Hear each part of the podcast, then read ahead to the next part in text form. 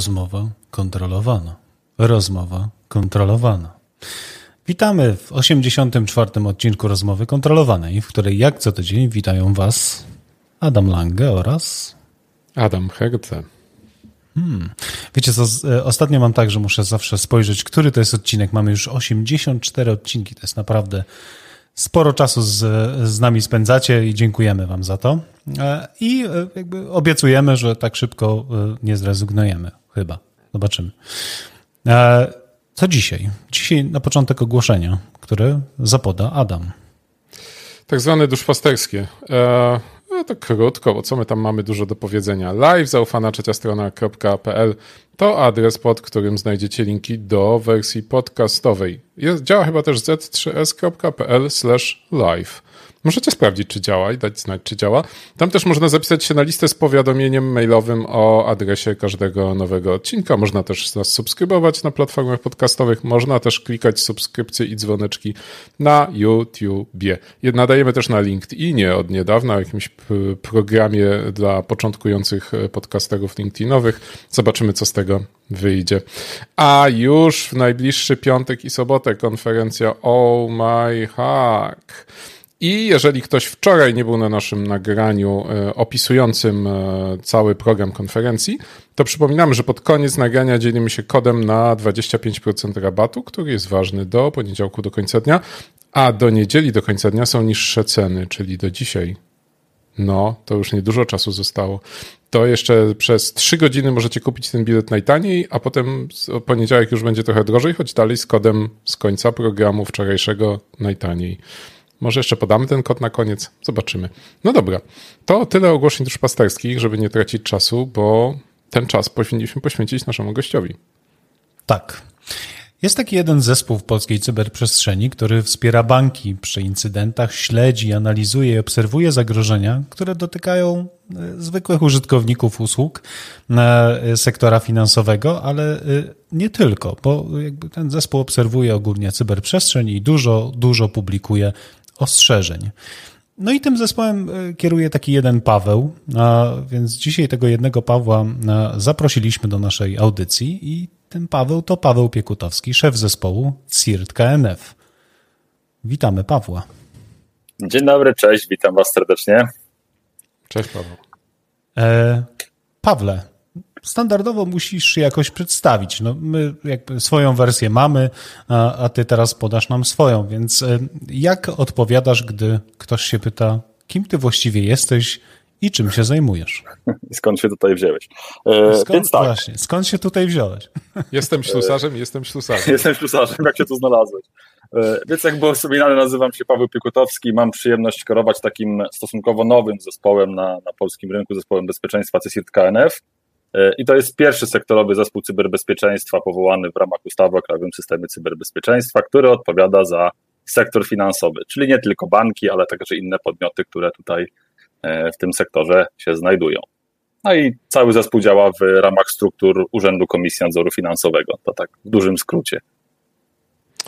No dobra, to brzmi bardzo poważnie i wylądowałeś w bardzo poważnym miejscu, robisz bardzo poważne rzeczy, ale każda podróż ma swój początek. Czy pamiętasz swój pierwszy komputer, czy też pierwszy swój kontakt z komputerem? Jak to się wszystko zaczęło? Tak, to już było ładnych parę lat temu, ale, ale oczywiście pamiętam. To tak tro, trochę już wchodzimy na, na, na odpowiedź na te końcowe pytania, no bo pierwszym komputerem był Commodore 64, czyli jest mi znane te kręcenie śrubokrętem w w głowicy, tak aby, aby te gry się wygrały i nie ruszanie się, bo e, programy może nie do końca e, się odpowiednio załadować, więc takie były pierwsze przygody. No później oczywiście jakiś, e, jakieś komputery klasy Pentium, pamiętam, że miałem Pentium 100 na samym początku, co było, co było szałem, jak się człowiek przesiadał z Commandora na, na już taki dosyć solidny komputer, więc pół osiedla, pół osiedla przeważnie przesiadywało mnie w domu grając w jakichś herosów czy, czy inne tego typu gry pierwsze sieci, jakieś pierwsze, pierwsze budowanie sieci osiedlowych SDI, e, w końcu jakiś stały dostęp do internetu oprócz, oprócz tego nieśmiertelnego modemu, więc tak to na, no, wyglądało na samym początku. No a skończyłem, e, skończyłem to tak, gdzie aktualnie skończyłem. A Ale zanim jeszcze przejdziemy do tego, gdzie aktualnie jesteś i gdzie skończyłeś e, po tej całej przygodzie z Commodore 64, e, ukończyłeś informatykę na Wacie, to udało nam się wygrzebać i w specjalności sieci teleinformatyczne. Wiele osób nas o to pyta, czy, czy warto iść na studia i czy one coś w życiu dają i czy pomagają. I pytanie do ciebie, czy tobie studia pomogły w późniejszej pracy um, i jak, jaką radą mógłbyś e, e, służyć naszym słuchaczom, którzy mają takie dylematy? Tak, znaczy też zauważyłem, że sporo aktualnie młodych ludzi ma takie dylematy i też e, sporo takich pytań do mnie trafia. No ja osobiście uważam, że, że warto iść i skończyć te studia, no poszerzają w jakiś tam sposób nasze spojrzenie, nasze horyzonty, jeżeli chodzi o to kwestie, kwestie związane z, z IT, no bo przeważnie E, przeważnie takie studia kończą osoby, z, które zajmują się później cyberbezpieczeństwem. E, I mi osobiście przydały, przy, przy, przydała się szkoła, więc e, gdybym teraz znowu miał 18-19 lat i stałbym przed tym wyborem, to pewnie, be, pewnie znowu bym się zdecydował na to, żeby, żeby te studia skończyć. Natomiast to, co warto też pamiętać, to to, że same studia nie, nie dają nam jakiejś tutaj wielkiej przepustki. My kończąc studia nie będziemy jakimś wielkim specjalistą, E, i części rzeczy też będziemy musieli się jednak nauczyć później już, e, już w samej pracy. Gdybym teraz jeszcze raz studiował, to na pewno na pewno to, co warto byłoby robić oprócz samego studiowania, to trochę więcej uczestniczyć w wszelkiego rodzaju czy to jakichś zewnętrznych organizacjach, które działają w, w okolicy uczelni, czy jakieś własnoręczne projekty, jakiś udział w, w jakichś projektach open source'owych, takie, takie rzeczy, które oprócz studiów też dadzą nam pewną jakąś wiedzę podstawową, gdzie będziemy mogli w jakiś sposób się rozwijać. Więc w mojej ocenie warto pójść na studia, ale też warto, warto działać sobie trochę tak obok. No oczywiście też znam osoby, które radzą sobie doskonale i są świetnymi specjalistami, jak tych studiów nie, mimo tego, że tych studiów nie skończyli, no ale jednak tutaj zawsze, zawsze ten dokument, który tam potwierdza, że, że mamy skończone studia, jednak się w, w życiu zawodowym w jakimś tam stopniu przydaje, no, zwłaszcza, że brak dokumentu może nas w niektórych ścieżkach kariery blokować, więc będziemy trochę e, będziemy trochę ograniczeni, będziemy musieli podążać tą ścieżką, e, którą będziemy mogli podążać e, nie mając skończonej wyższej uczelni, więc ogólnie polecam. Ale polecam też być aktywny na, na studiach, tak żeby nie, e, nie tylko imprezy i, i kolokwia, ale też trochę, trochę też innych działań. Słuchaj, bo nie tylko studia dają wiedzę, są też różne certyfikaty i doszliśmy do tego, że ty kilka z nich zrobiłeś i to niektóre tak zwane poważne, jak na przykład OSCP. Czy, czy mógłbyś odpowiedzieć podobnie na pytanie o, o certyfikaty? Czy, czy uważasz, że, że to faktycznie niesie ze sobą wartość, czy raczej robiłeś, bo miałeś taką okazję, czy chciałeś się sprawdzić? Jak to, co cię zmotywowało i, i jak oceniasz wartość e, tego ćwiczenia? To też mocno zależy od tego, jakie certyfikaty robimy, bo tych ścieżek certyfikacyjnych jest całkiem sporo. Niektóre są warte więcej, niektóre są warte mniej. E, na pewno certyfikacja przydaje się, aby trochę nam to wiedzę uporządkować, zwłaszcza te certyfikaty takie trochę, że tak powiem, z górnej półki. E, no i to się bardzo przydaje, jak szukamy pracy. No, przy, nawet teraz aktualnie oceniając kandydatów, przeglądając CV, jeżeli ktoś ma jakiś certyfikat, zwłaszcza taki poważniejszy typu CISP, typu SCP, no to już mamy jakoś tam przynajmniej bazowo informację, że ktoś tego człowieka w jakiś sposób zweryfikował, on to swoje umiejętności jakoś potwierdził, więc na pewno jest to zdecydowany plus. No, część projektów też, e, zwłaszcza w, w temacie, jeżeli chcemy robić testy penetracyjne, część projektów wymaga, aby na przykład te testy penetracyjne robiła osoba, robiły, nie wiem, dwie osoby, które mają SCP, a kierował tym człowiek, który ma CISPA, więc te certyfikaty też się przydają. E, przydają się też oczywiście tak formalnie przy uczestnictwie w niektórych projektach, więc E, to są takie rzeczy, dla których warto to robić. E, no a przy niektórych certyfikatach też się można sporo nauczyć. No, dla mnie takim certyfikatem było SCP, który, który robi się w dosyć ciekawy sposób. Mamy dostęp do laba, mamy, e, mamy możliwość po, pohakowania tych stacji na, na takim mm, powiedzmy pseudożywym organizmie, no i później bardzo ciekawy egzamin, 24 godziny.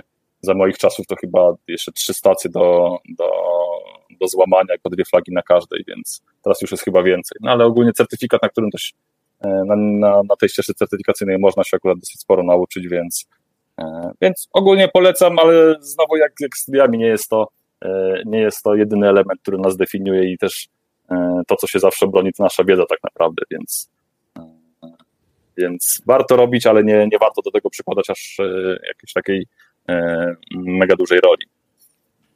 Wagi. Pytanie od jednego z naszych słuchaczy, czy masz jakiś pomysł, jakie certyfikaty byś polecił komuś, kto zaczyna? No bo OSCP to raczej komuś to kończy, niż komuś to zaczyna, ale...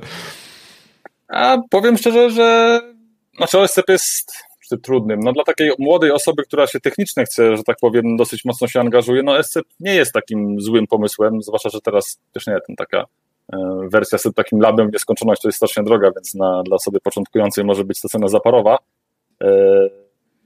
I w sumie OSC nie jest takim złym rozwiązaniem na początek. Jeżeli ktoś się czuje mocno technicznie, to ten OSC na pewno pozwoli mu już E, taką wiedzę sobie trochę uporządkować, no i zdobyć trochę takiego doświadczenia e, w robieniu testów penetracyjnych, więc to taki pierwszy, pierwszy krok do, e, do jakichś rzeczy red teamingowych jak najbardziej wydaje mi się, że jest ok, aczkolwiek faktycznie może być, może być trochę trudny, więc tutaj trzeba też trochę tego backgroundu technicznego sobie zbudować. A jakaś alternatywa dla, dla osób mniej technicznych? Kojarzysz coś, co mógłbyś polecić? Ojejku, ja pamiętam, że robiłem jeszcze cecha E, aczkolwiek nie wiem, czy, czy to jest certyfikat, który aż tak, aż tak mocno polecam. Też w sumie taka ciekawa anegdotka, bo po zrobieniu cecha parę lat temu e, ustawiłem go sobie na LinkedInie, a nie wiem, czy wiecie, na LinkedInie jest, e, są dwa cechy. Jest jeden cech, cech, czyli ten etyczny haker, a drugi to jest Certified Executive Housekeeper. Jest taki certyfikat. Ja przez długi czas miałem go ustawionego.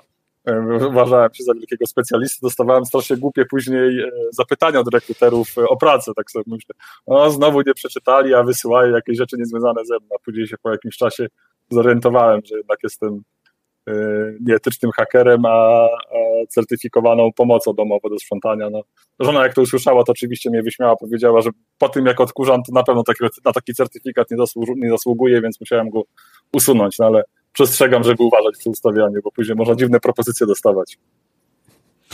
No, czyli od żony certyfikatu nie dostaniesz jednym słowem. Zdecydowanie nie. A, ale wiesz co, z tym odkurzaniem jednak, z tym odkurzaniem coś jest. Ja też tam e, zawsze mam problem z tym, że źle odkurzam, ale to nie wiem. No, le, lepiej mi wychodzi bezpieczeństwo niż odkurzanie, więc tego się będę trzymał. E, ktoś komentuje, że jesteś perfekcyjnym panem domu. Więc... Nie jestem. Chociaż certyfikat wi wisiał na LinkedInie, ale, ale, ale nie no jest. Właśnie. A, no właśnie. E, Paweł, zanim trafiłeś do KNF-u, troszeczkę firm w szeregach niektórych firm gościłeś e, i e, w tych firmach w większości zajmowałeś się bezpieczeństwem, bo tam chyba był jeden epizod, gdzie nie zajmowałeś się bezpieczeństwem. I nie będziemy teraz jakby przechodzić po, po, po każdej z tych firm, pytając ciebie, co tam właściwie robiłeś, e, e, więc jakby skumulujemy to w jedno pytanie, które z tych firm wniosło najwięcej do twojego doświadczenia za, zawodowego, które cię ukształtowało może w ten sposób? Tak, ja do UKNF-u przyszedłem z sektora prywatnego, więc tutaj większość mojego doświadczenia jest z sektora prywatnego. E, no i faktycznie to doświadczenie jest tak naprawdę w kilku aspektach bezpieczeństwa, bo na samym początku zajmowałem się wdrożeniem, utrzymaniem, trochę deweloperko systemów związanych z bezpieczeństwem. To było takie moje, e, moje pierwsze zajęcie, gdzie, gdzie zdobywałem te pierwsze szlify, jeżeli chodzi o bezpieczeństwo. E, później zajmowałem się w obszarze telco, mm, takim typowym blue teamem, byłem takim typową osobą odpowiedzialną za bezpieczeństwo organizacji, czyli e, i dbanie o bezpieczeństwo systemów, obsługa incydentów, pisanie procedur, tak szeroko, szeroko ujęty, można powiedzieć, blue team. E, a czymś, co mi się aktualnie bardzo przydaje, to jest e, moje doświadczenie z mojej poprzedniej pracy, gdzie pracowałem przed samym KNF-em, czyli doświadczenie już takie czysto red teamingowe, bo ja przez, przez parę ładnych lat byłem pentesterem, który zajmował się testami penetracyjnymi głównie, głównie w podmiotach z, z sektora finansowego w Polsce, bo takie podmioty głównie, głównie w Polsce kupują usługi testów penetracyjnych, więc takie testy penetracyjne realizowałem, to było moje to doświadczenie, e, doświadczenie red teamingowe, robiłem tego dosyć sporo, zarówno w, w podmiotach z Polski, jak i podmiotach zagranicznych, więc, e, więc widziałem, mam takie porównanie, jak to wygląda w naszym sektorze, jak to wygląda w innych sektorach. E, no i to doświadczenie, mm, ja wychodzę z założenia, że ogólnie w pracy bezpiecznika każde doświadczenie z, czy to z IT, z wdrożeń, z utrzymania systemów jest przydatne, no ponieważ tutaj możemy później, nie wiem, oceniając na przykład e, kogoś, kto, kto stworzył jakąś, jakąś aplikację, a sami byliśmy deweloperem, my jesteśmy w stanie lepiej go ocenić, możemy wyłapać, gdzie ewentualnie popełni jakieś błędy. Tak samo, jeżeli sami otrzymywaliśmy systemy, to wie, wiemy, gdzie administrator może czegoś nie dopilnować, może czegoś e, o czymś zapomnieć, bo sami tak, takie błędy popełnialiśmy. No i w samej konfiguracji, no to taki prosty przykład, nie wiem, przy konfiguracji WAFA czy jakiejkolwiek innej API, jakiegoś takiego systemu bezpieczeństwa, te doświadczenie teamingowe też się fajnie przydaje, bo możemy sami na przykład spróbować się zaatakować, zobaczyć, czy to, to co skonfigurowaliśmy ma jakiś sens, czy ten system działa, wyłapie nasze, nasze ataki, czy to bezpieczeństwo jest takie, ma taki aspekt praktyczny dobrze ogarnięty, a nie ten system jest tylko bo jest, a nikt nie wie, czy on naprawdę osoby atakujące łapie, więc to doświadczenie na pewno się E, na pewno się w jedną, w drugą stronę przydaje. A to Później jeszcze uzupełnię. Adam, Adamie, jeżeli pozwolisz, jeszcze uzupełnię e, drugim pytaniem, bo jesteś rzadkim przykładem osoby, która z sektora prywatnego poszła do, do sektora a, państwowego, można to tak nazwać. A, dlaczego? Bardzo dobre pytanie, codziennie sobie zadaję przed lustrem. E, Nie wiem, jak odpowiedzieć na to pytanie. No, wiadomo, miałem pewne obawy, pracując całe życie w sektorze prywatnym, przechodząc do sektora publicznego, no ale wydawało mi się, że tutaj y, to, co będę realizował w, w ramach obowiązków tego zespołu, no, pozwoli mi się fajnie rozwinąć i, i będą to jakieś ciekawe nowe rzeczy, więc pełen nadziei przychodziłem tutaj y, z, z takimi myślami w głowie. No oczywiście miałem obawy, no bo, no bo to jest zmiana sektora, ale no nie, koniec końców nie żałuję, więc nie, bo zawsze to raczej w drugą stronę działa. Raczej to działa w drugą stronę i to jest takie ciekawe, że w twoim przypadku akurat zadziałało odwrotnie niż, niż tak, u innych. Tak, zgadza się. To często, często działa w tą stronę, no tutaj akurat jestem przykładem odwrotnego działania. Okej, okay. widocznie wyjątki od reguły też muszą istnieć.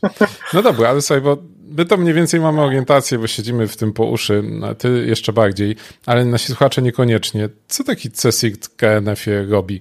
E, ustawa tam coś mówi o koordynowaniu incydentów, przekazywaniu informacji, pomaganiu firmom z sektora, ale tak co, ustawa to pewnie wiadomo, swoja, a wy swoje. Jak, jak wygląda taki dzień pracy, czy, czy tydzień pracy CSIRT-u? Jak, jakie zadania w ogóle wykonujecie? To może zaczniemy od, od może od, od, początku, czym jest taki zespół, na jakiej podstawie powstał. No, mieliśmy w 2018 roku ustawę o krajowym systemie cyberbezpieczeństwa. Tam mieliśmy ugruntowane takie trzy dosyć e, znane zespoły, jak CSIRT NASK, CSIRT MON i CSIRT GOV. E, także wprowadzając, czym jest ten zespół CSIRT KNF tak naprawdę. A e, no i to, to są te trzy duże CSIRTy, które większość osób doskonale zna, to są CSIRTy poziomu krajowego, natomiast ustawodawca dał możliwość powołania w każdym z sektorów oddzielnego już bardziej wyspecjalizowanego CSIRT-u, który ma się zajmować bezpieczeństwem danego sektora. E, no i jest ze wszystkich sektorów na chwilę obecną tylko sektor finansowy zdecydował się na powołanie tego zespołu, no i to jesteśmy właśnie my. E, I prawdą jest, że w samej ustawie to jest tak dosyć, mm, dosyć ogólnie napisane, jeżeli chodzi o zakres naszych obowiązków. Nowa wersja ustawy już to trochę bardziej precyzuje, dorzuca nam trochę, e, trochę więcej sprecyzowanych zadań, trochę, trochę też więcej możliwości nam daje. Natomiast to, czym się zajmujemy w praktyce, no to po pierwsze wypełniamy te obowiązki ustawowe związane z obsługą incydentów, czyli jeżeli coś się dzieje w sektorze, jeżeli jest jakiś poważny incydent lub incydent, który jest mniej poważny, e, ale warto go zgłosić gdzieś do jakiejś jednostki centralnej, to my takie informacje od podmiotów dostajemy, koordynujemy obsługę tych incydentów. Jeżeli e, mamy takie możliwości, to wspieramy również obsługę tych incydentów, jeżeli możemy, czy merytorycznie, czy w jakiś inny sposób podmiot wspomóc. Jeżeli widzimy, że dany incydent jest incydentem, który na przykład dotyczy kilku podmiotów i może się na przykład za chwilę rozlać na cały sektor, no to wtedy też podejmujemy działania e, koordynacyjne, jeżeli chodzi o takie incydenty. Więc tutaj jesteśmy taką, takim centralnym punktem, który zbiera te informacje o tym, że coś się, e, coś się złego może za chwilę zadać, bo na przykład u dwóch, trzech podmiotów już coś takiego wystąpiło e, i zaczyna działać coraz szerzej. No ale oprócz incydentów mamy jeszcze tutaj szereg obszarów, którymi się zajmujemy, czyli, czyli po pierwsze jakaś analiza zagrożeń, czyli analizujemy, co się dzieje na rynku, patrzymy, czy gdzieś nie ma jakichś informacji odnośnie tego, że gdzieś, e, gdzieś może nastąpić potencjalny atak.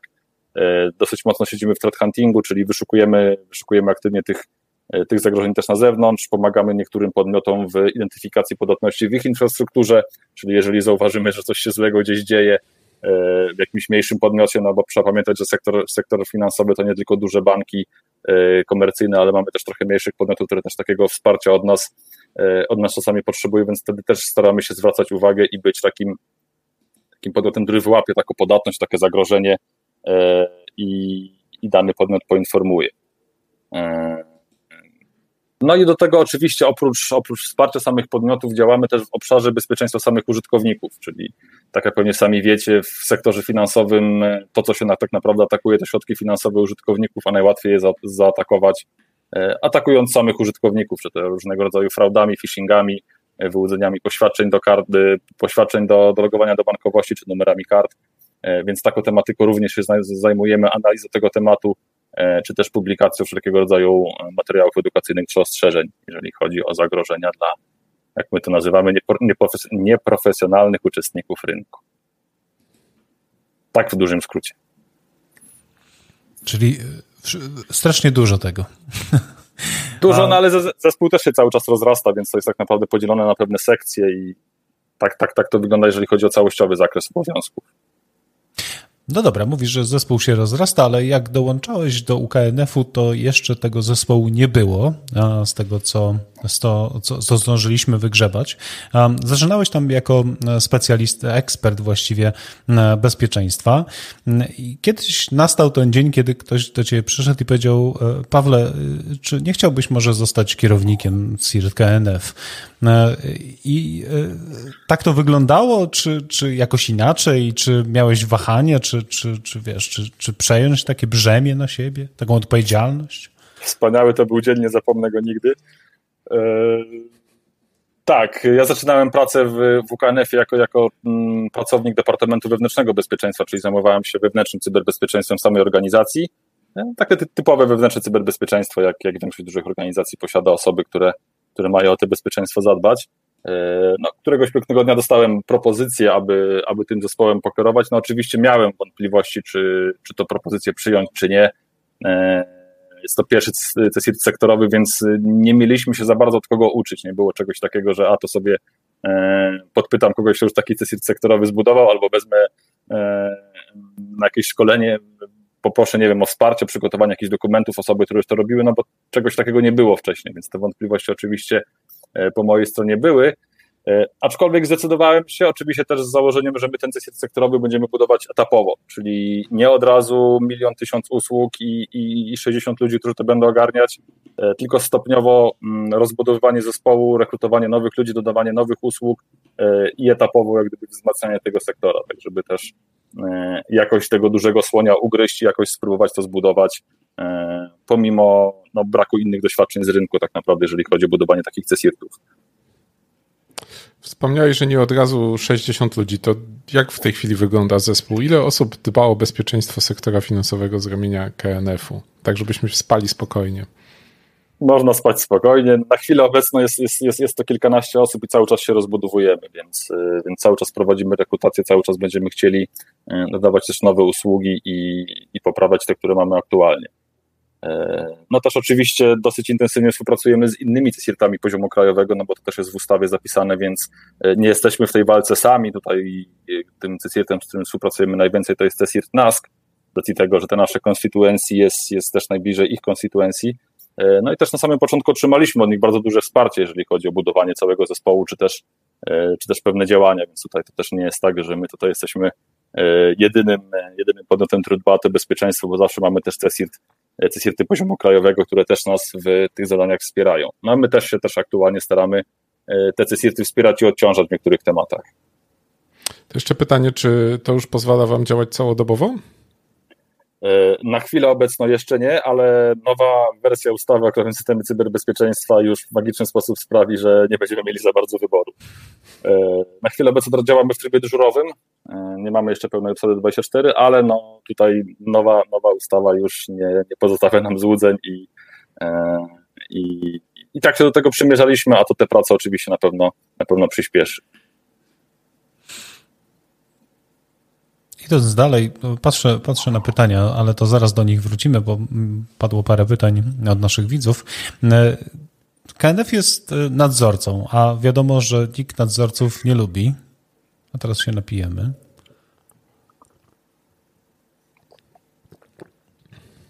Nikt nie lubi nadzorców, nikt nie lubi się spowiadać. E, e, banki w szczególności raczej nie, nie, nie pałają e, miłością do, do UKNF-u.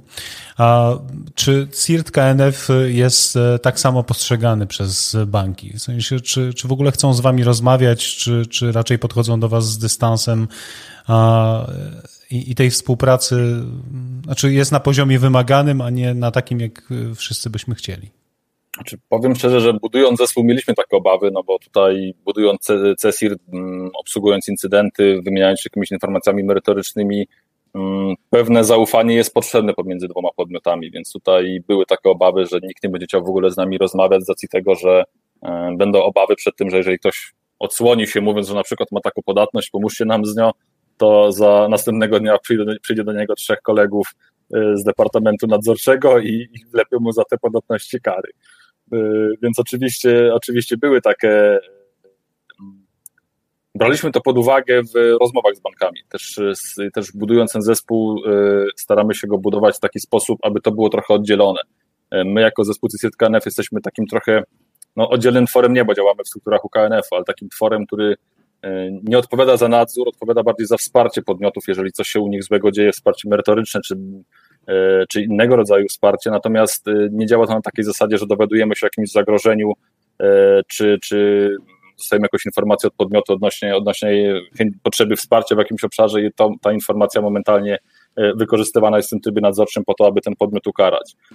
My, ja oczywiście w samej ustawie o systemie cyberbezpieczeństwa mam tam taki zapis, że E, w razie jakichś tutaj sytuacji określonych ja mogę organ właściwy, czyli OKNF, poinformować o tym, że na przykład jakiś podmiot nie realizuje jakichś, jakichś naszych zaleceń. No ale na, na szczęście e, nie ma takich, na, na chwilę obecną no, raczej się nie zdarzają takie sytuacje, że któryś z podmiotów na przykład nie reagowałby na, na informacje odnośnie tego, że ma jakieś podatności w swojej infrastrukturze, ten sektor finansowy jest raczej e, pod tym kątem dosyć dobrze zdyscyplinowany.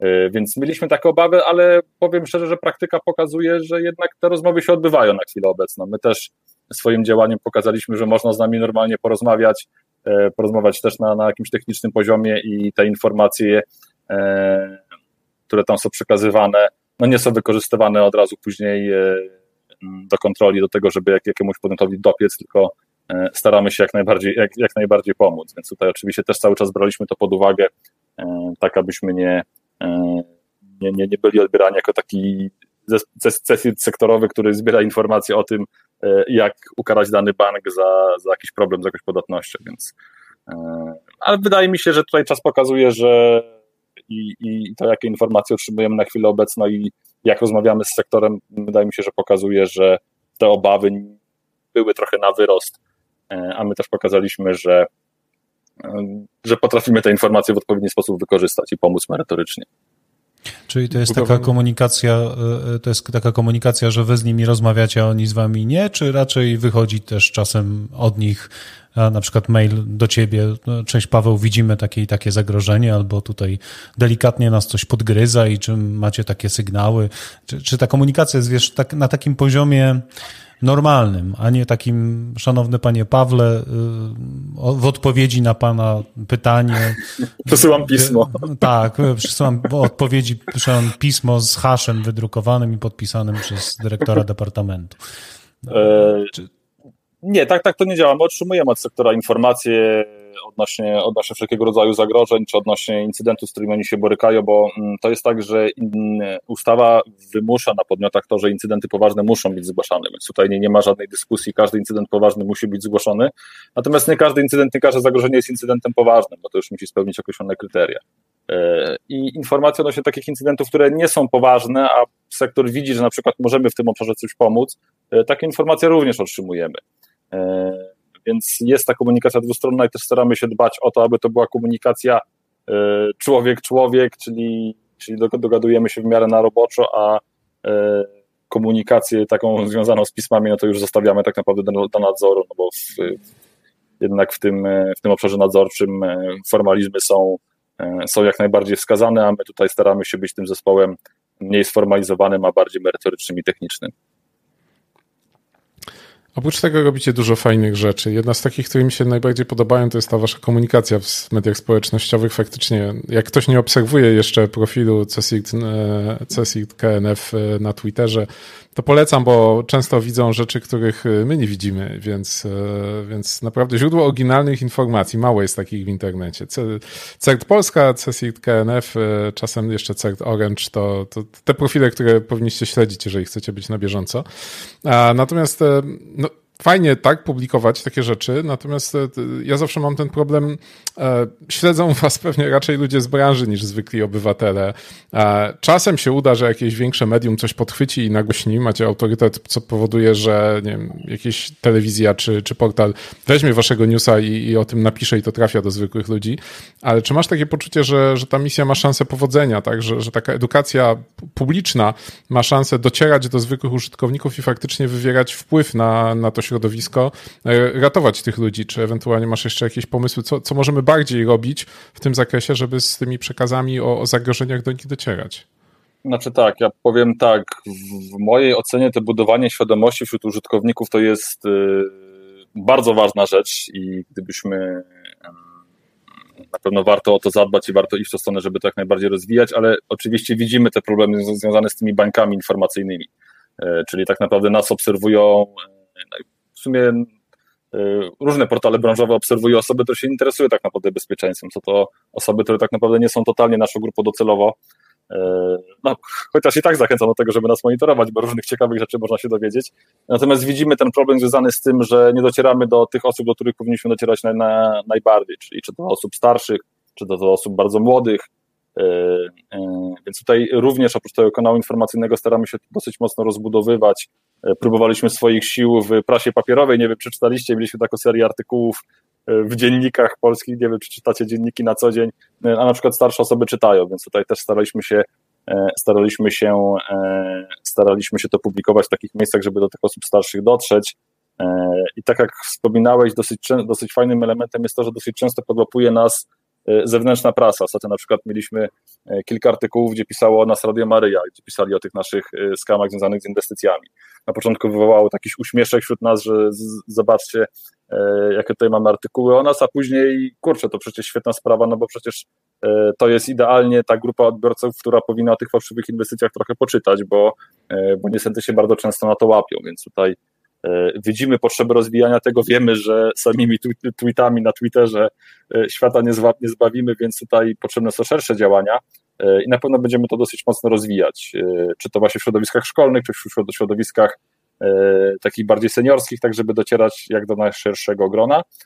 No i ruszamy teraz za jakiś czas z takim projektem jak Centrum Edukacji Bezpieczeństwa Rynku Finansowego, czyli CBRF, gdzie będziemy chcieli E, zbierać te wszystkie informacje odnośnie ostrzeżeń, zagrożeń, e, publikować artykuły odnośnie tego, jak działają cyberprzestępcy i też starać się jak najszerzej dotrzeć do różnego rodzaju użytkowników, tak żeby wyjść z tych baniek informacyjnych e, i informować jak najszersze grono. No bo to jest w mojej ocenie ten budowanie tego, tej świadomości to jest niezwykle ważny element, a jest z tym duży problem, powiem szczerze, żeby dotrzeć tak naprawdę do osób, do których powinniśmy docierać. Wspomniałeś o mm, skamach inwestycyjnych. Obserwujecie dużo tych ataków, ale na pewno jeszcze jest co, coś po, ponad te skamy. E, co jest teraz na topie? Tak jakbyś miał spojrzeć na ostatnie dni, tygodnia, miesiące, jakie, jakie, jakie oszustwa, jakie skamy, jakie, jakie ataki są na topie? Tak, Co jest jeszcze teraz... dodam, tak jakby teraz nasi słuchacze musieli zadzwonić do swoich mam, tat, ojców i powiedzieć im, słuchajcie, to są trzy rzeczy, na które uważajcie co jest teraz modne, co się teraz nosi, jeżeli chodzi o cyberoszustów, y, to niezmiennie cały czas w topce pozostają te oszustwa na, na, na skupującego, jak my to nazywamy, y, czyli sprzedajemy coś na portalu sprzedażowym, y, różne portale sprzedażowe są atakowane, więc tutaj mm, nie ma co wymieniać konkretnych nazw.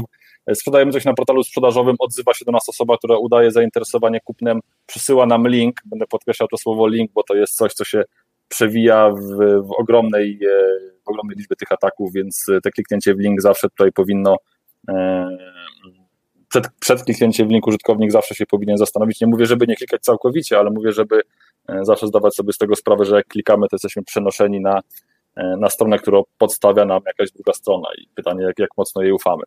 Czyli odzywa się do nas osoba, która udaje zainteresowanie kupnem, wysyła nam link, klikamy w link, po przejściu na stronę mamy informacje odnośnie naszej aukcji, strona jest łudząco podobna do faktycznej strony portalu sprzedażowego, no a dalej scenariusz jest prosty, jeżeli wpiszemy tam numer karty płatniczej najczęściej, no ten numer karty płatniczej trafia do oszustów, a oni już sobie za pomocą tej karty e, realizują swoje płatności. No też bardzo często w tych oszustwach po wpisaniu numeru karty płatniczej e, wyskakuje takie ładne okienko z prośbą o wpisanie kodu SMS, e, więc tutaj też to jest warte podkreślenie, żeby zawsze czytać, co w tych kodach SMS jest, czy też w potwierdzeniach w aplikacji mobilnej, co też zalecam, i weryfikować, czy to jest zgodne z tym, co myślimy, że robimy. Ponieważ tutaj też jest taka dosyć spora tendencja do tego, żeby, żeby tych komunikatów nie czytać, tylko te SMS-y przepisywać, jeszcze najlepiej kilka SMS-ów. E, to jest atak, który towarzyszy nam już od, od, od ponad roku bodajże. E, dosyć mocno się tutaj grupy przestępcze, przestępcze sprofesjonalizowały w tym temacie, więc działają bardzo sprawnie na bardzo szeroką skalę. E, no i niestety cały czas się to utrzymuje w, w czołówce oszustw co mamy? No aktualnie coś, co, co też jest bardzo widoczne, to wszelkiego rodzaju fałszywe inwestycje. Dużo ludzi teraz szuka jakichś okazji inwestycyjnych. E, no oczywiście oszuści to, to nagminnie wykorzystują e, i takim, tutaj takim wektorem początkowym jest, są tak naprawdę często wykorzystywane reklamy, reklamy w mediach społecznościowych. Na największych portalach potrafią się pojawić reklamy e, zainwestuj 900 zł, zarób, zarób 5 tysięcy w, w dwa tygodnie. E, no oczywiście, jeżeli wejdziemy na taką fałszywą reklamę, jesteśmy przekorowani na stronę, która obiecuje nam złote góry bez ryzyka, e, a tam oszuści najczęściej łowią numery telefonów od osób zainteresowanych zakupem, czyli wprowadzamy na, na fałszywej stronie z inwestycjami maila, numer telefonu, imię, nazwisko. e, i tego samego albo następnego dnia odzywa się do nas miła pani albo miły pan, obiecując nam różne zyski inwestycyjne, wykupienie jakichś robotów automatyzujących inwestycje, E, no i dalej już e, jak gdyby przestępstwo jest prowadzone za pośrednictwem połączenia telefonicznego, czyli e, ścieżki tam ścieżki są realizowane różne, albo próbują nas nakłonić, abyśmy przelali jakieś środki finansowe na podstawione konto, albo nakłaniają nas do instalacji aplikacji do pomocy zdalnej. Jeżeli się na to nie zgadzamy, to, to na przykład próbują od nas wyłudzić numer karty płatniczej. Pamiętam, że w jakiejś ostatniej rozmowie, bo my czasami sobie z nimi rozmawiamy, żeby, żeby zobaczyć, jak, jak to wygląda po ich stronie, E, jak, tak żeby też wybadać jakie ścieżki mają. Jak nie zgodziłem się na przelew, nie zgodziłem się na, e, na zainstalowanie pomocy zdalnej, no to na końcu było to, to jak tutaj to nie działają, to niech pan da numer karty płatniczej i niech pan pamięta, że mm, mm, oczywiście to było ich zdanie, że, że numery karty płatniczej przez telefon można podawać, ważne, żeby nie podawać loginu hasła, bo to niebezpieczne. Więc e, tak próbują naciągać. Jeżeli ten numer karty płatniczej dajemy, oczywiście przekazałem jakiś, jakiś nieistniejący numer E, co ich trochę sfrustrowało po ich stronie i też istotne jest to, że później strasznie inwazyjnie działają, więc e, jeżeli już raz pisaliśmy jakiś numer telefonu na tej ich wspaniałej liście, to później dostajemy po 20-30 telefonów dziennie, gdzie próbują się z tym tematem przypomnieć, więc tutaj te fałszywe inwestycje to też jest coś, co teraz nam dosyć mocno spędza sens powiek, no i skala tego też jest ogromna. Codziennie, codziennie wyłapujemy mnóstwo tego typu reklam związanych z tymi inwestycjami, no i stron, które, które te inwestycje obiecują. No tutaj oczywiście dzięki, dzięki pomocy CERTU Polska, CIRTU NASK, przepraszam, e, i ich porozumieniu antyphishingowego udaje się część tych stron zablokować i, e, i uniemożliwić oszustom działanie, no ale to też jest takie działanie, które nie wyeliminuje całkowicie tego procederu. E, miały być trzy. To w trzeciej topce, no jeszcze oczywiście można, można wspomnieć o SMS-ach, które też są rozsyłane na masową skalę. E, tutaj pozdrawiam kolegów z PGE CERT-u, którzy walczą cały czas z tymi SMS-ami, gdzie podszywają się pod dostawców energii. E, podszywają się pod różne podmioty, dostawcy, dostawców energii, dostawców usług telekomunikacyjnych, policja, podszywają się pod UKNF. No a wszystkie, wszystkie te jak gdyby wersje ataku łączy to, że takim wspólnym mianownikiem jest to, że gdzieś tam wysyłają zawsze w tych SMS-ach linka. Czyli dostajemy informację odnośnie tego, że nie opłaciliśmy rachunku za energię elektryczną, E, mamy 3,50 do opłacenia, musimy to opłacić, klikamy w link, prowadzi nas do fałszywej strony bankowości. A dalej scenariusz już jest bardzo podobny do, do, do, do innych ataków. Wprowadzamy numer karty płatniczej czy, czy login hasło do banku no, e, i w tym momencie e, te dane są wykorzystywane przez oszustów do tego, żeby nas okraść. Niestety nie brakuje tego. Tak, no jest, jest tego bardzo dużo. No dobra, ale powiedz, jak tak patrzysz na to wszystko już od dłuższego czasu, czy masz takie poczucie, że to się stabilizuje, zmierza w lepszym kierunku, w gorszym kierunku, jest tych ataków więcej, jest tych ofiar więcej, czy ludzie się już uczą i, i dopóki przestępcy nie wymyślą czegoś nowego, to sytuacja się tymczasowo poprawia, czy banki lepiej reagują, lepiej edukujemy, jakby czy, czy to jest optymistyczna wizja, czy pesymistyczna, czy tak już zostaniemy z tym na zawsze? Znaczy powiem tak, oszuści cały czas rozwijają te swoje metody, więc oni, a widzę znak sygnał chyba szklanką.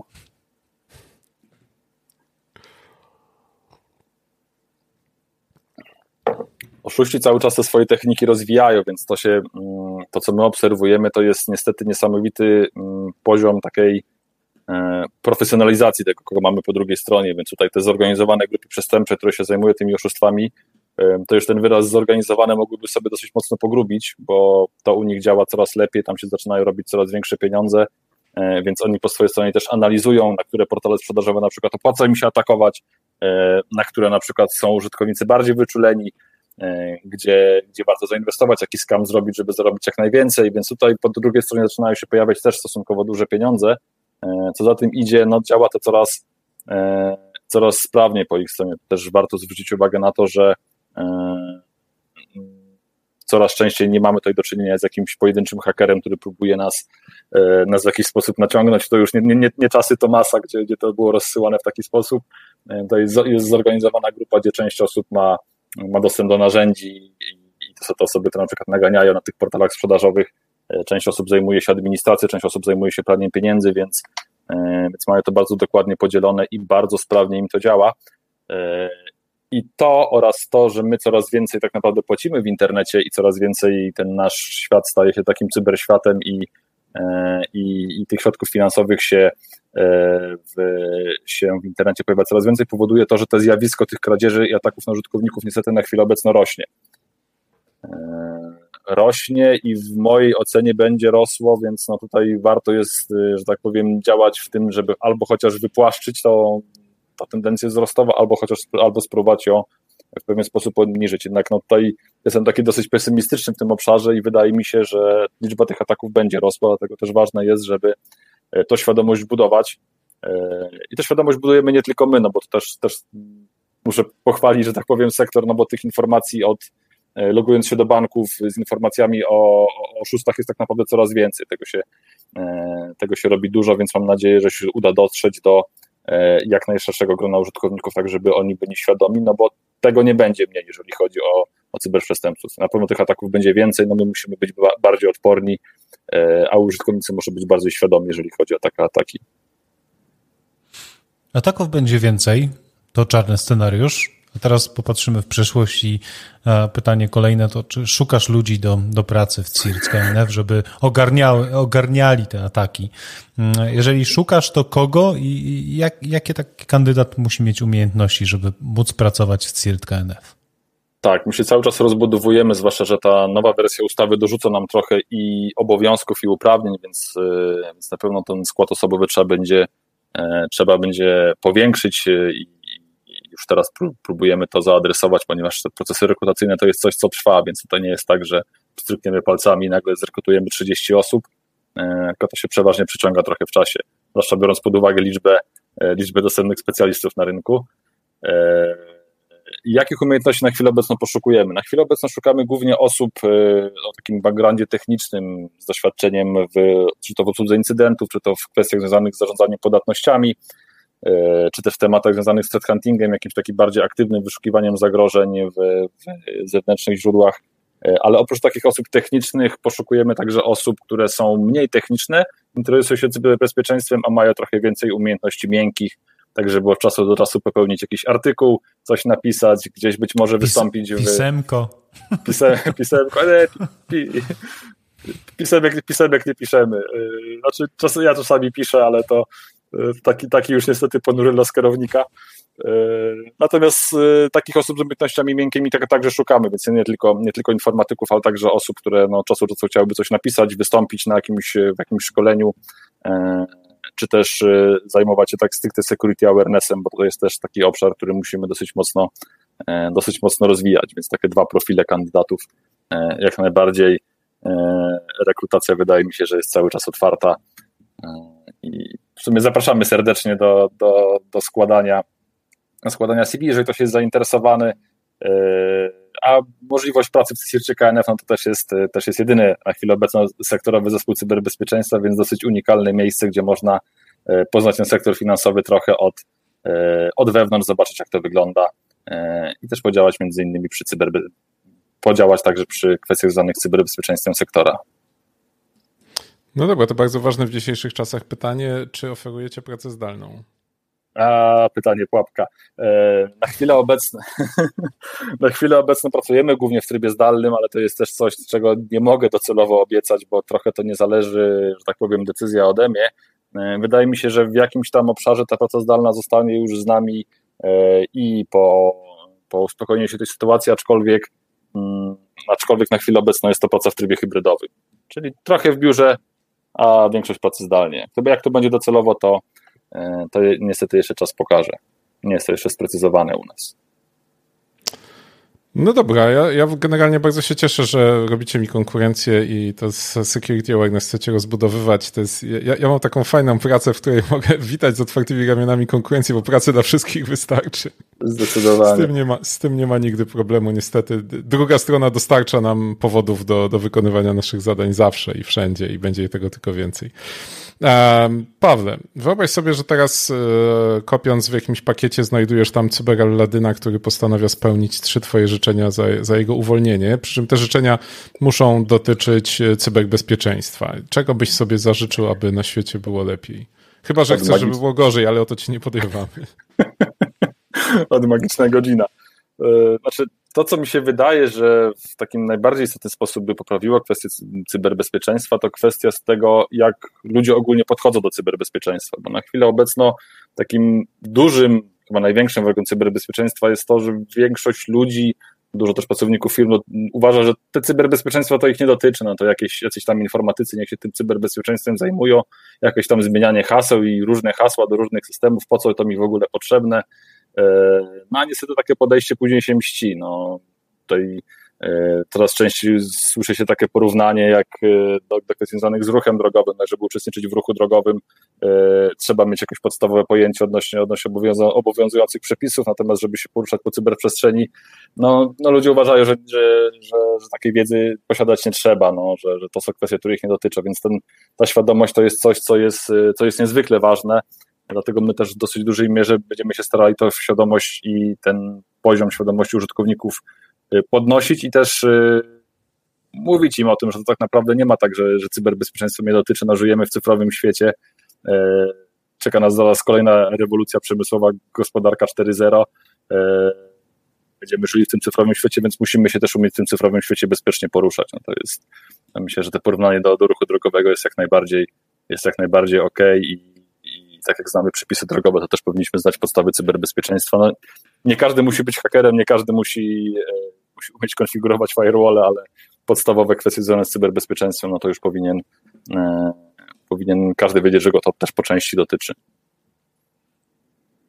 Jeszcze dwa życzenia. Jeszcze dwa życzenia. O, ja, ja, ja już wszystkie problemy rozwiązałem pierwszym. dwa życzenia. Drugie życzenie to mm, Coś, co też jest ważne w kwestiach bezpieczeństwa, a ta obecna sytuacja mm, dosyć mocno nam ją e, utrudnia. Mówię o tej sytuacji związanej z tym, że, że nie możemy, e, nie mogą specjaliści od bezpieczeństwa gdzieś się spotkać na jakimś większym evencie, że, że te spotkania też są w dużym stopniu ograniczone. E, przenieśliśmy się w większości do pracy zdalnej, no to też utrudnia tak naprawdę nawiązywanie kontaktów w próbie niepewnego networkingu między, między osobami, które odpowiadają za bezpieczeństwo. A to też jest wbrew pozorom bardzo ważne, bo jak coś się dzieje złego, to instytucje mają, nie wiem, podpisane porozumienie, ale koniec końców to i tak musi, musi być rozmowa człowiek-człowiek i ten incydent to rozwiązują ci ludzie, którzy gdzieś tam na, na dole to, e, to obsługują, a ważne by było, żeby te osoby znały się, żeby też miały do siebie jakieś zaufanie, żeby w sytuacji, że coś się dzieje, nie, nie, nie musiały dzwonić do tego strasznego UKNF-u, tylko mogły zadzwonić e, do Pawła, który pomoże im w kwestii bezpieczeństwa i ten telefon też będzie wtedy wykonany zdecydowanie E, z mniejszym oporem, więc taki, taki networking jest e, też bardzo fajną rzeczą, a obecna sytuacja e, nam dosyć mocno to utrudnia. Jeszcze trzecie życzenie, e, to chyba chciałbym dobę trochę rozciągnąć, chociaż do tych 36 godzin, tak żeby mieć trochę więcej czasu e, na inne tematy. Chociaż ktoś mi ostatnio powiedział, że jeżeli pracuję do trzeciej w nocy, to moja doba ma 27 godzin, więc, więc tak mogę sobie rozciągać, ale, ale chyba to się tam później następnego dnia trochę inaczej rozłoży. No, ale, e, no, niestety tak, takie czasy, że na, na, na sporo rzeczy brakuje czasu, więc, więc na pewno by się przydało go trochę więcej. E, a co robisz, gdy nie pracujesz? W ogóle jest, no, taki, jest taki czas, gdzie nie pracujesz i masz jakieś hobby, czy, czy cały czas siedzisz przed komputerem? No właśnie mówię, że ta doba za krótka, więc jakby było 36 godzin, to może bym się z czymś jeszcze wyrobił. E, nie, a tak na poważnie oczywiście znajduję chwilę czasu po, po pracy, żeby coś podziałać. No, siłą rzeczy na chwilę obecną moim hobby jest głównie budowanie pociągów zabawkowych z poduszek i sprawdzanie, czy maskotki e, kasują bilety, jak, jak wsiadają do tego pociągu. E, ulubiona zabawa mojej córki, więc to dosyć mocno mi zabiera pozostały wolny czas.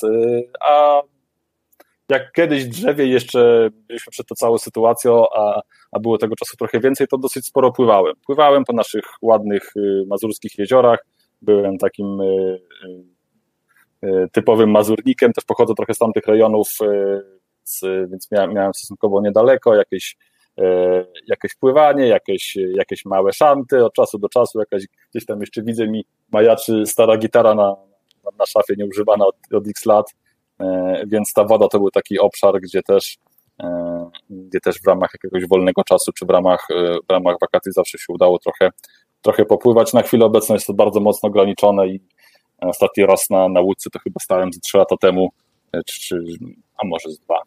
E, no, na chwilę obecną niestety ta, ta sytuacja no, ogranicza nas dosyć, dosyć mocno, jeżeli chodzi o, o, o ten nasz czas wolny, więc no, w dużej mierze e, spędzamy go niestety w domu. Ja jeszcze jedną nogą wrócę do, do tematu zawodowego. Mamy mm, projekt ustawy, rozporządzenia dotyczące cyberdodatków.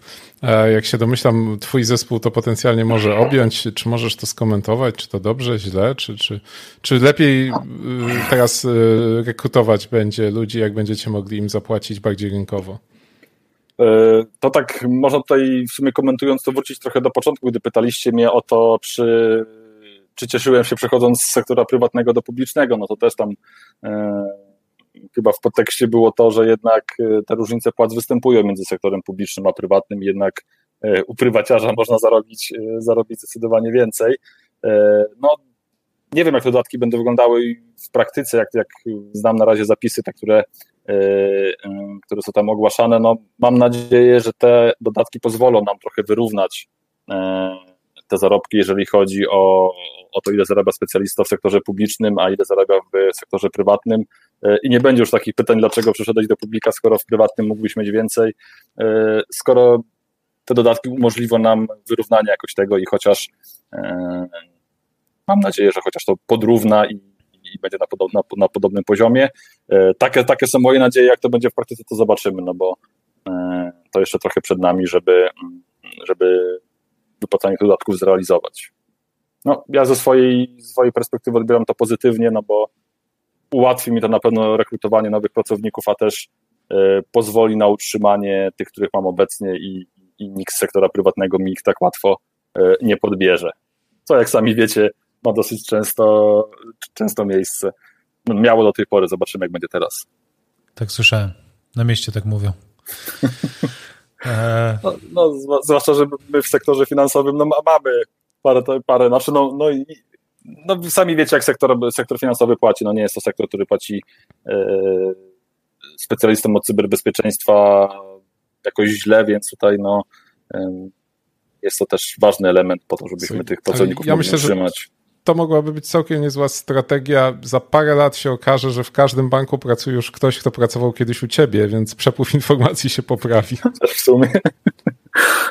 Może nie takie głupie wysyłać takiego szpiega. E, Pawle, na jakim systemie pracujesz na co dzień? Zdradź nam. Ja będę nudny, ja jestem dzieckiem Windowsa, więc, więc na co dzień pracuję na Windowsie.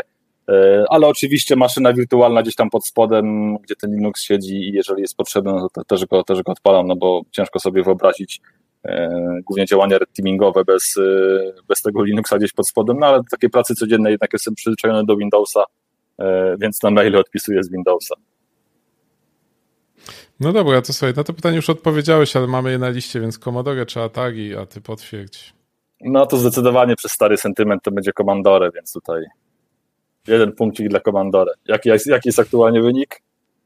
Oj, bardzo, bardzo słaby dla Atari, bardzo słaby. Już ale musimy podliczyć.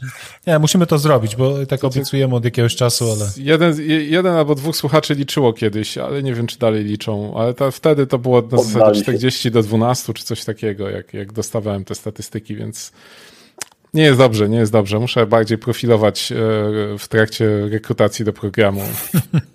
Jakieś pytania wstępne, nie? Tak. To jest tak. jakieś oszustwo, jakieś ustawione, ustawione pytania i ustawione odpowiedzi. To ja się na to nie godzę.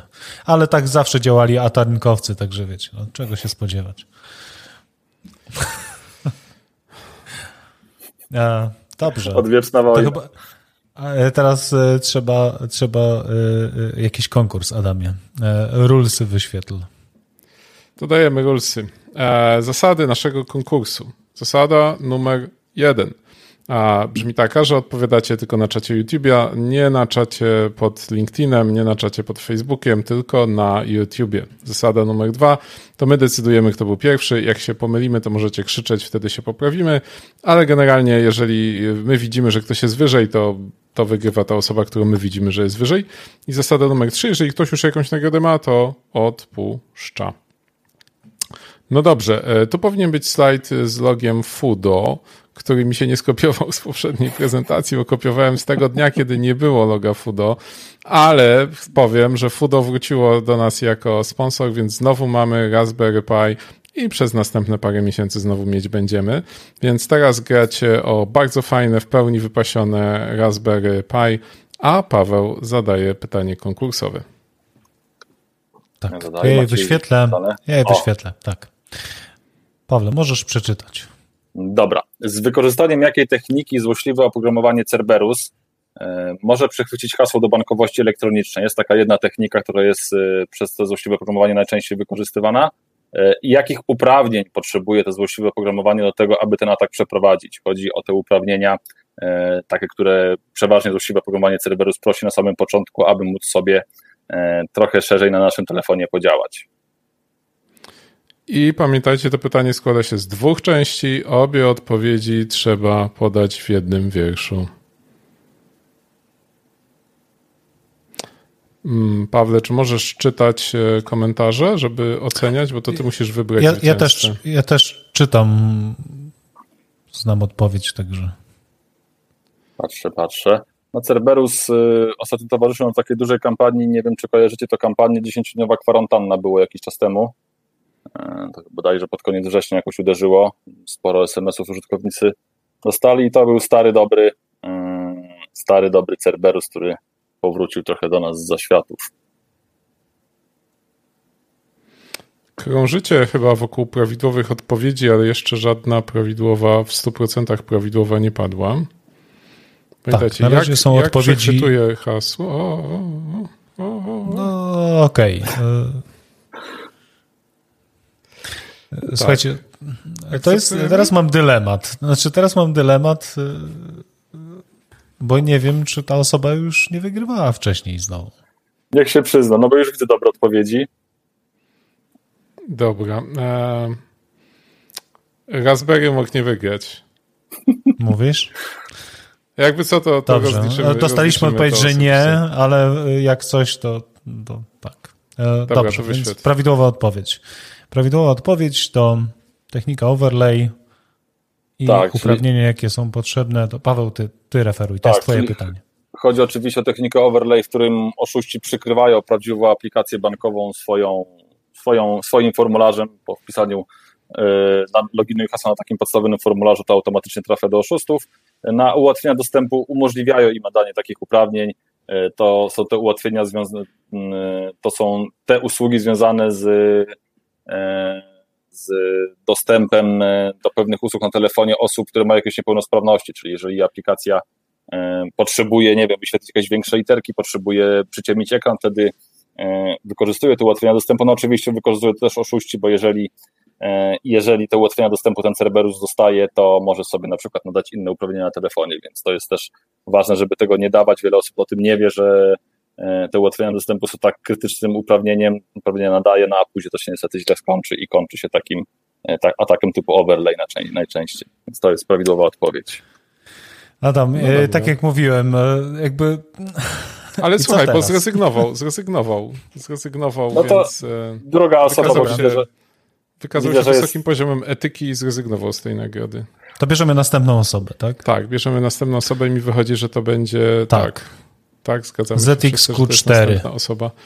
Dobrze, ZXQ4, kimkolwiek jesteś, to twój szczęśliwy dzień. E, ponieważ e, nagroda przechodzi na ciebie, bo poprzedni zwycięzca zrezygnował. My wiemy dlaczego, i, ale już nie będziemy mówić publicznie. A, tak, tak, ZXQ4, Adam Małpa, zaufana trzecia strona.pl, e, numer paczkomatu, numer telefonu. I Razberinka jedzie do ciebie już wkrótce. Gratulacje. Afera, afera, tyłobuzie. Następnym razem trzymaj się rulsów. Dobrze. To co teraz? Teraz może może ja, tak? Tak, tak teraz ty dwa razy. Dobrze, to teraz ja dwa razy gadżety od Fudo, e, więc pierwsze moje pytanie, oczywiście czego można się po mnie spodziewać? Na pewno niczego dobrego, więc pierwsze pytanie jest następujące. Podaj datę i miejsce, miasto aresztowania głównej postaci filmu The Hackers, czyli Crasha Override'a. Czas start. No to już powinniście wiedzieć na pamięć. No jak nie wiecie, to za chwilę będziecie wiedzieć. No, nawet jeżeli ktoś jeszcze nie ogląda sobie The Hackers, żeby odświeżyć przed audycją i liczy na to, że wygra w jakimś konkursie, to, to nie wie, co czyni. A pamiętajcie, że i datę, i miasto. Także muszą tak. być obie informacje. Wielu. Andrzej, to nie jest. 2 grudnia 72. Nie jest to, blisko, to, to nie, blisko. To nie, to nie był crash override wtedy. to nie ta wojna.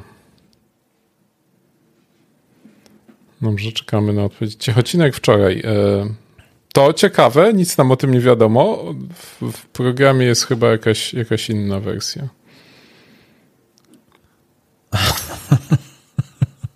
Cypr.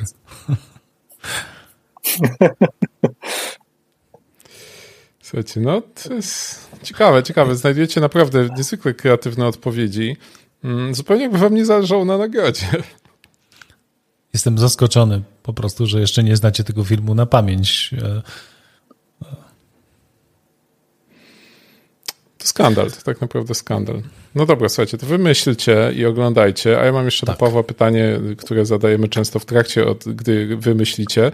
A czy miałeś kiedyś taki dzień, że sobie pomyślałeś, że już masz dosyć tego bezpieczeństwa i chciałbyś się zająć uprawą roli w Bieszczadach albo czymś równie alternatywnym do, do twojej codziennej pracy?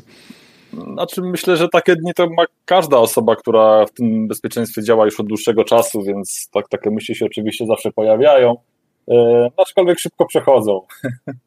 e, jednak e, jakieś tam chwilowe zwątpienie nawet jak się pojawi i, i człowiek myśli o tym, żeby te cyberbezpieczeństwo zmienić, to jednak no już tak długo w tym siedzę, że e, nie wyobrażam sobie trochę siebie w jakiejś innej roli. Chociaż powoli zaczynam trochę dłubać, bo zawsze się interesowałem e, game devem, a teraz e, dosyć fajnie można sobie podziałać na tych silnikach, które są powszechnie dostępne za darmo. Uczę się Unity i robię sobie jakieś proste gry na Androida, więc może, może jak mi tutaj wypali, to, to za, za, za jakiś czas tak to będzie wyglądało. Zawsze trzeba mieć jakiś plan awaryjny. Tak, jestem pod wrażeniem, w jakim tempie to można aktualnie popisać i jak, jak y, szybko można się tego nauczyć, tak żeby już tworzyć jakieś nawet takie sensowne produkty e, bez, e, bez jakiegoś zagłębienia się w ten temat. To słuchajcie, czekamy, nie jest to Nowy Jork. Na grę, czekamy na grę podnoszącą poziom świadomości. O, może, może to jest jakiś sposób, bo też, też trzeba szukać trzeba takich... Gamifikować, gamifikować Ta, trzeba. A do młodych ludzi można byłoby dotrzeć właśnie w taki sposób, aczkolwiek chyba jeszcze nie ten poziom chyba młodzież by mnie trochę zrugała, jakbym pokazał im moje gry, więc Ale no jak gdyby to, żeby szukać tych nowych, różnych miejsc do tego, aby, aby ludzi edukować, to jest jak najbardziej, e, jak najbardziej słuszna koncepcja. Nie wiem, czy akurat e, gry to jest dobry pomysł, ale no, wa warto szukać. Słuchajcie, widzę, e, krążycie wokół odpowiedzi. Nie jest to Nowy Jork. Jedno, znaczy, informacja jest na samym początku filmu, tak naprawdę. Torenty się grzeją po prostu, no. Klikajcie samo odpal. E, może jeszcze jakaś podpowiedź. E, to padła już prawidłowa odpowiedź, ale nie jest to Nowy Jork. Czyli e, wielu. Czyli, czyli data była prawidłowa już? To już padła. Na, na pewno rok był jeden prawidłowy, tak żeby nie ułatwiać za bardzo. No to musicie teraz sobie przeskrolować i przekombinować to, co już ktoś napisał. Ojej, Adamie, Kurczę, to jest Adamie. takie proste pytanie. No, no, naprawdę, ja myślałem, że to dacie... dacie... Okej. Okay. No widzę, że już bardzo blisko jest, tylko nadal odpowiedź jest niepełna. Pełna data, miasto, ale już bardzo, bardzo blisko. No jest bardzo ładna. Pierwsza odpowiedź. Jest to, jak dobrze widzę, Marek, który pierwszy prawidłowo odpowiedział. No, no literówki są, kurcze, no ale Ale potem odpowiedział że... jeszcze raz i też dobrze. Tak, e, to zaliczamy. Tak, tak więc nadal, nadal jest to pierwsza dobra odpowiedź. Jest to 10 sierpień 1988 rok Seattle. Taka jest prawidłowa odpowiedź. Marku, um, e-mail na adammałpazaufana trzecia strona.pl, numer paczkomatu i numer telefonu. I kolejne moje pytanie, tak? No, wybaczcie. Tak, tak. Ja bardzo przepraszam. Ja się dzisiaj nie przygotowałem. Wystawiłem nas na was na konsekwencje słuchania drugiego pytania Adama tak. i przepraszam. No I, zno obiecuję, i znowu, to się nie powtórzy. I znowu o, o naszym ulubionym filmie, czyli e, pytanie kolejne. Jak nazywało się miejsce, w którym Crash Override pokonał Acid Burn w grze Wipeout? Wypijmy za to. Oj tak, sucho jest dzisiaj.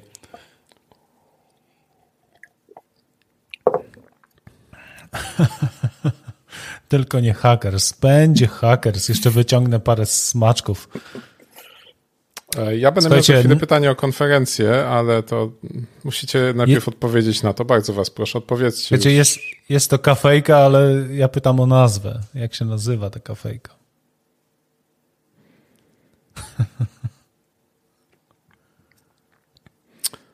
Dawno nie było. No, proszę, jest.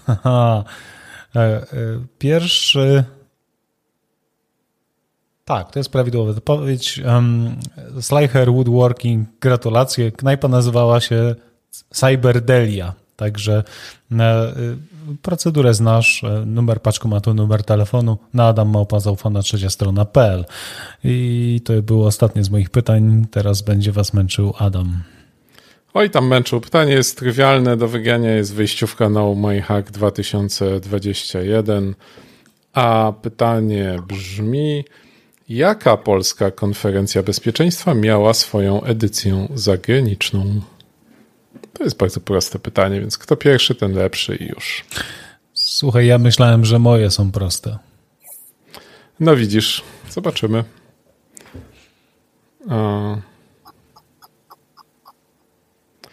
Edycję taką w pełni zagraniczną. O właśnie, tak i już.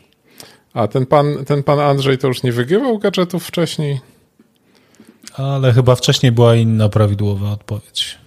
A była jeszcze. A, jest faktycznie. Już, już. O, się wysypało. Się wysypało. Dobrze, dobrze, dobrze, dobrze, dobrze, dobrze, dobrze, dobrze. O. Piotrze, Doczekałeś się. A to prawidłowa odpowiedź, faktycznie. To Confidence był w Londynie. Był, był taki dzień, kiedy był Confidence w Londynie. Cały samolot leciał. A także Piotrze Małpa, Adam Małpa, zaufana trzecia strona.pl. Numer paczkomatu. Nie, nie wysyłaj małpy. Nie, I nie wysyłaj paczkomatu. E, wyślij tylko maila, a, a dostaniesz kod na, na bilet. Tak, jestem już zmęczony. To był długi tydzień. No dobrze. To rozdaliśmy. To rozdaliśmy. Możemy ten ekranik schować, żeby nas było trochę lepiej widać. A, także gratulujemy wszystkim zwycięzcom. Pawle, dziękujemy Ci bardzo, nie tylko za udział w naszym programie, ale i za pracę, którą wykonujesz, żeby nasze środki w sektorze finansowym pozostawały w naszych rękach, a nie rękach różnych przestępców. Bardzo się cieszymy, jak oni przegrywają, a my wygrywamy, więc e, rób tak dalej i bardziej i więcej. Idźcie pracować do Pawła, za chwilę dostaniecie takie dodatki, że, że pójdziecie w jego ślady przechodząc z sektora prywa, prywatnego do państwowego. Wielki eksodus z banków i wszyscy pójdą pracować do CSIRT-u, KNF-u i Paweł uratuje nas to, wszystkich. To jeszcze dopytam, gdzie mają wysyłać CV? To może powiedz. E, myślę, że możemy bezpośrednio na csirtmałpa.knf.gov.pl. Jest ten adres też, jak się wpisze e, w Google, to wydaje mi się, że nasza strona powinna tam wyskoczyć w miarę pierwsza. Na stronie KNF-u ten adres powinien tam być podany. Jeżeli ktoś jest zainteresowany, to też zapraszamy. Jest nawet klucz PGP, jakby ktoś się bał. Tak, jak ktoś chce, to, to, to można oczywiście zaszyfrować PGP, więc, więc jak najbardziej klucz jest dostępny. E, Plus dwa punkty, jak, jak zaszyfruję kluczem. Od razu na dzień dobry w rekrutacji. E, ja również dziękuję bardzo za zaproszenie, było mi bardzo miło i mam nadzieję, że w jakiś w miarę sensowny sposób udało się opowiedzieć o tym tworze nowym na naszym polskim rynku, jakim jest e, sektorowy zespół cyberbezpieczeństwa, a być może w najbliższym czasie będziecie gościć na przykład też innych kierowników z innych sektorowych zespołów, bo nowa wersja ustawy już wprowadza to jako obowiązek, więc, więc na pewno będzie nas więcej.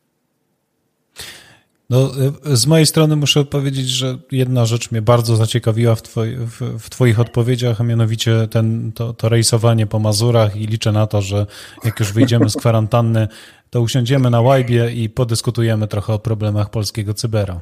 Jasne, ja bardzo chętnie. Do zobaczenia. Dziękuję Paweł. bardzo. Miłego wieczoru życzę. Na cześć. Trzymaj się. Dzięki.